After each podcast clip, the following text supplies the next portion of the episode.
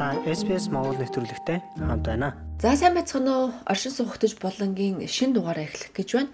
Австралид үл хөдлөх хөрөнгийг хоёр зорилгоор худалдаж авч болдог. Нэг нь өөрөө амьдрах, за нөгөөх нь хөрөнгө оруулалтын зорилгоор буюу авсан орон сууцаа бусдад түрээслүүлэх замаар зээлээ эргэн төлөх хэлбэр юм. Энэ удаад бид хөрөнгө оруулалтын үл хөдлөх хөрөнгө авсан үед үүсч болох сөрөг урсгал гэж юу болох талаар тайлбарлан ярилцах гэж байна. За хөрөнгө оруулалтын үл хөдлөх хөрөнгийн зардал нь түүнээс олох өгөөжөөс давсан тохиолдолд энэхүү сөрөг урсгал үүсдэг. За гэхдээ түрээсийн орон сууцны зах зээлийн хэвийн байдлыг хангахын тулд улсаас татварын бодлогоор ийм хөрөнгө оруулагчдыг дэмждэг юм а.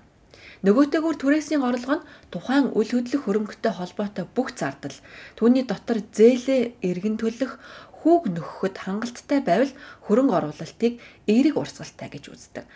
Эерэг сүрэг энэ урсгалууд давуу болон сөрөг талтай. SPS Монгол нэвтрүүлэг таны гар утас болон цахим хуудасд нийлдэхтэй байна. Maxwell Schiffman бол Австралийн хамгийн том үйл хөдлөх хөрөнгийн Intrapact Property компанийн үйл ажиллагаа хариуцсан захирал юм. Тэрээр энэхүү сөрөг урсгалыг өөртөө ашиг авах, арга болгох нэг давуу тал байдгийг тайлбарлаж байна. Үүнийг Австралийн татвар төлөгчд хүртэж болдог хэмээн онцолсон юм а. За тодорхойлбол тухайн сууц үйл хөдлөх хөрөнгийг эзэмших, ашиглах зардлыг татвар ногдох орлогоос нь нөхөх боломжийг засгийн газраас олгодог юм. Байр сууц авахд хөрөнгө оруулах нь ашиг олох зорилготой. Гэхдээ хэрвээ түрээсээс олж байгаа орлого нь зээлийн хүү бусад зардлаа төлж дийлэхгүй сөрөг урсгал буюу танд ашиг биш алдагдал зардал болж хувирдаг. Энэ нь хөрөнгө оруулагчдыг үргэж болзошгүй юм. Тиймээс Австралийн татварын хуулийн дагуу хөрөнгө оруулагчид үл хөдлөх хөрөнгөө түрээслэх боломжтой тохиолдолд зээлийн эргэн төлөлтийн хүүг татварын хөнгөлөлт болгон нэхэмжлэх боломжтой байдаг юм.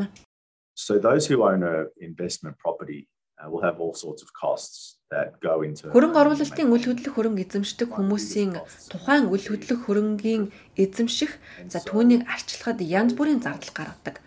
За хамгийн том зардлуудын нэг нь хүү төлөх юм. Тэгэхээр та юу хийж болох вэ гэвэл түрээсийн орлогын таны гаргасан зардлаас нөхөж авах явдал юм. Хэрвээ үнэн хэрэгтээ нийт зардал таны олсон дүнгээс их байвал та эдгээр нэмэлт зардлаа ажилласаа эсвэл өөрийн бусад орлогоосоо нөхөж авч болно гэсэн үг. to offset your normal income from you know your work or any sort of other uh, income that you might have. Сөрөг урсгал бол Австралид маш түгээмэл хэрэглэгддэг арга. Бүх төрлийн хөрөнгө оруулалттай адил давуу болон сул талуудтай. Олон хүмүүс энэхүү сөрөг мөнгөн урсгалыг үр дүнтэй татварын стратеги болгон ашиглаж байна. Ноён Шифман хэлэхдээ сөрөг урсгал нь татварыг бууруулах гэхээсээ илүү хөрөнгө оруулалт эсвэл татварыг хойшлуулах явдал юм гэсэн юм. Australia has a particular way of doing it which isn't unique in the world. Австралид татвараар дамжуулан хөрөнгө оруулалтын алдагдлаа нөхөх нэг өрөмөц арга байдаг. Энэ нь дэлхийд цорын ганц зүйл биш юм. Дэлхийд даяар энэ аргыг хэрэгэлдэг гэхдээ арай өөр өөрөөр хэрэгэлдэг байж болох юм.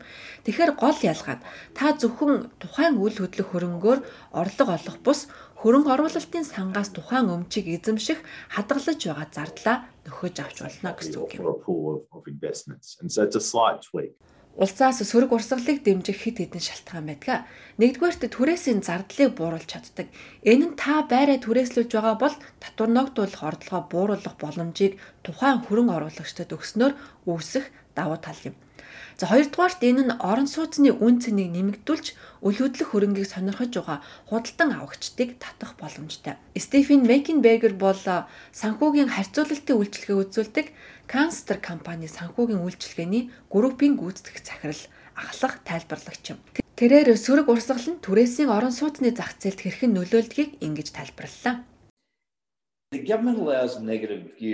Түрээсийн хэрэгцээг хангах үйц үл хөдлөх хөрөнгийн нийлүүлэлттэй байхын тулд хүмүүсийг үл хөдлөх хөрөнгөд ялангуяа орон сууцны үл хөдлөх хөрөнгөнд хөрөнгө оруулалт хийхийг засгийн газар дэмждэг. Тэрчүүднээс сөрөг урсгалын аргыг тэрчүүднээс сөрс тэрчүүднээс сөрөг урсгалын аргыг хэрэглэхийг зөвшөөрдөг юм. За хэрвээ үл хөдлөх хөрөнгийн нөөц эрэлт хэрэгцээг хангаж чадахгүй бол түрээсийн үн нэмэгдэж орон сууц ховордох болно. Сөрөг урсгал нь сүүлийн хэдэн жилийн туршид улс төрчдийн дунд маргаантай сэдэв байсаар ирсэн.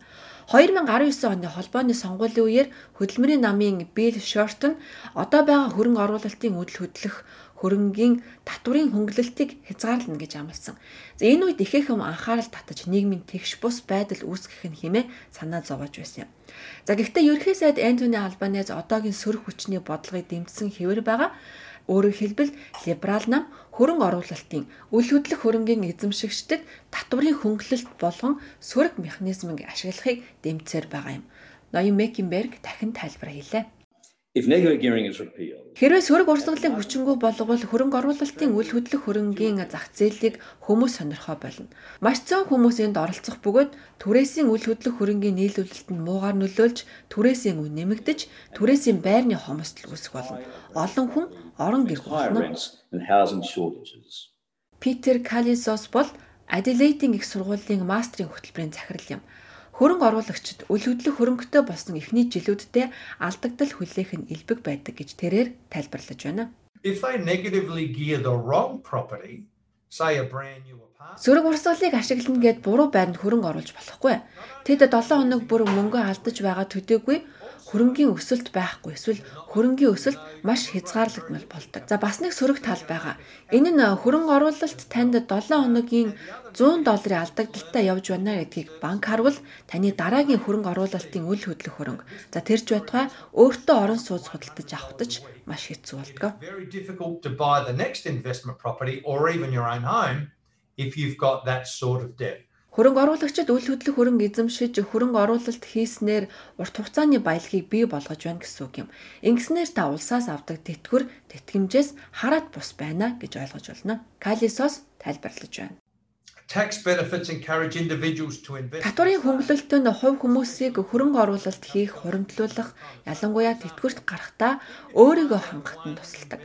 Жишээлбэл та 500 мянган долларын үнэтэй хөрөнгө оруулалтын нэг үл хөдлөх хөрөнгийг эзэмшиж за эцэст нь үүнийг төлбөрөө төлж дуусгалаа. За ингэвэл өндөр насны тэтгэвэр авахгүй байх магадлалтай. Эсвэл хэрвээ авлаа гэхэд та зөвхөн нэг хэсгийг л авах болно. Тиймээс тэд төрийн санд ачаалал багтай байдаг гэсэн үг on the government coffers. Австралийн санхүүгийн жил 6 дугаар сарын 30-нд дуустдаг бөгөөд өмнөх санхүүгийн жилийн татврын тайланг 7 дугаар сарын 1-ээс 10 дугаар сарын 31-ний хооронд мэдүүлэх ёстой. Үүнтэй адилхан бусад нэвтрүүлгийг сонсомоор байна уу? Apple Podcast, Google Podcast, Spotify эсвэл та өөрийнхөө сонсдог апп ашиглан манай нэвтрүүлэгтэй хавд байгаарай.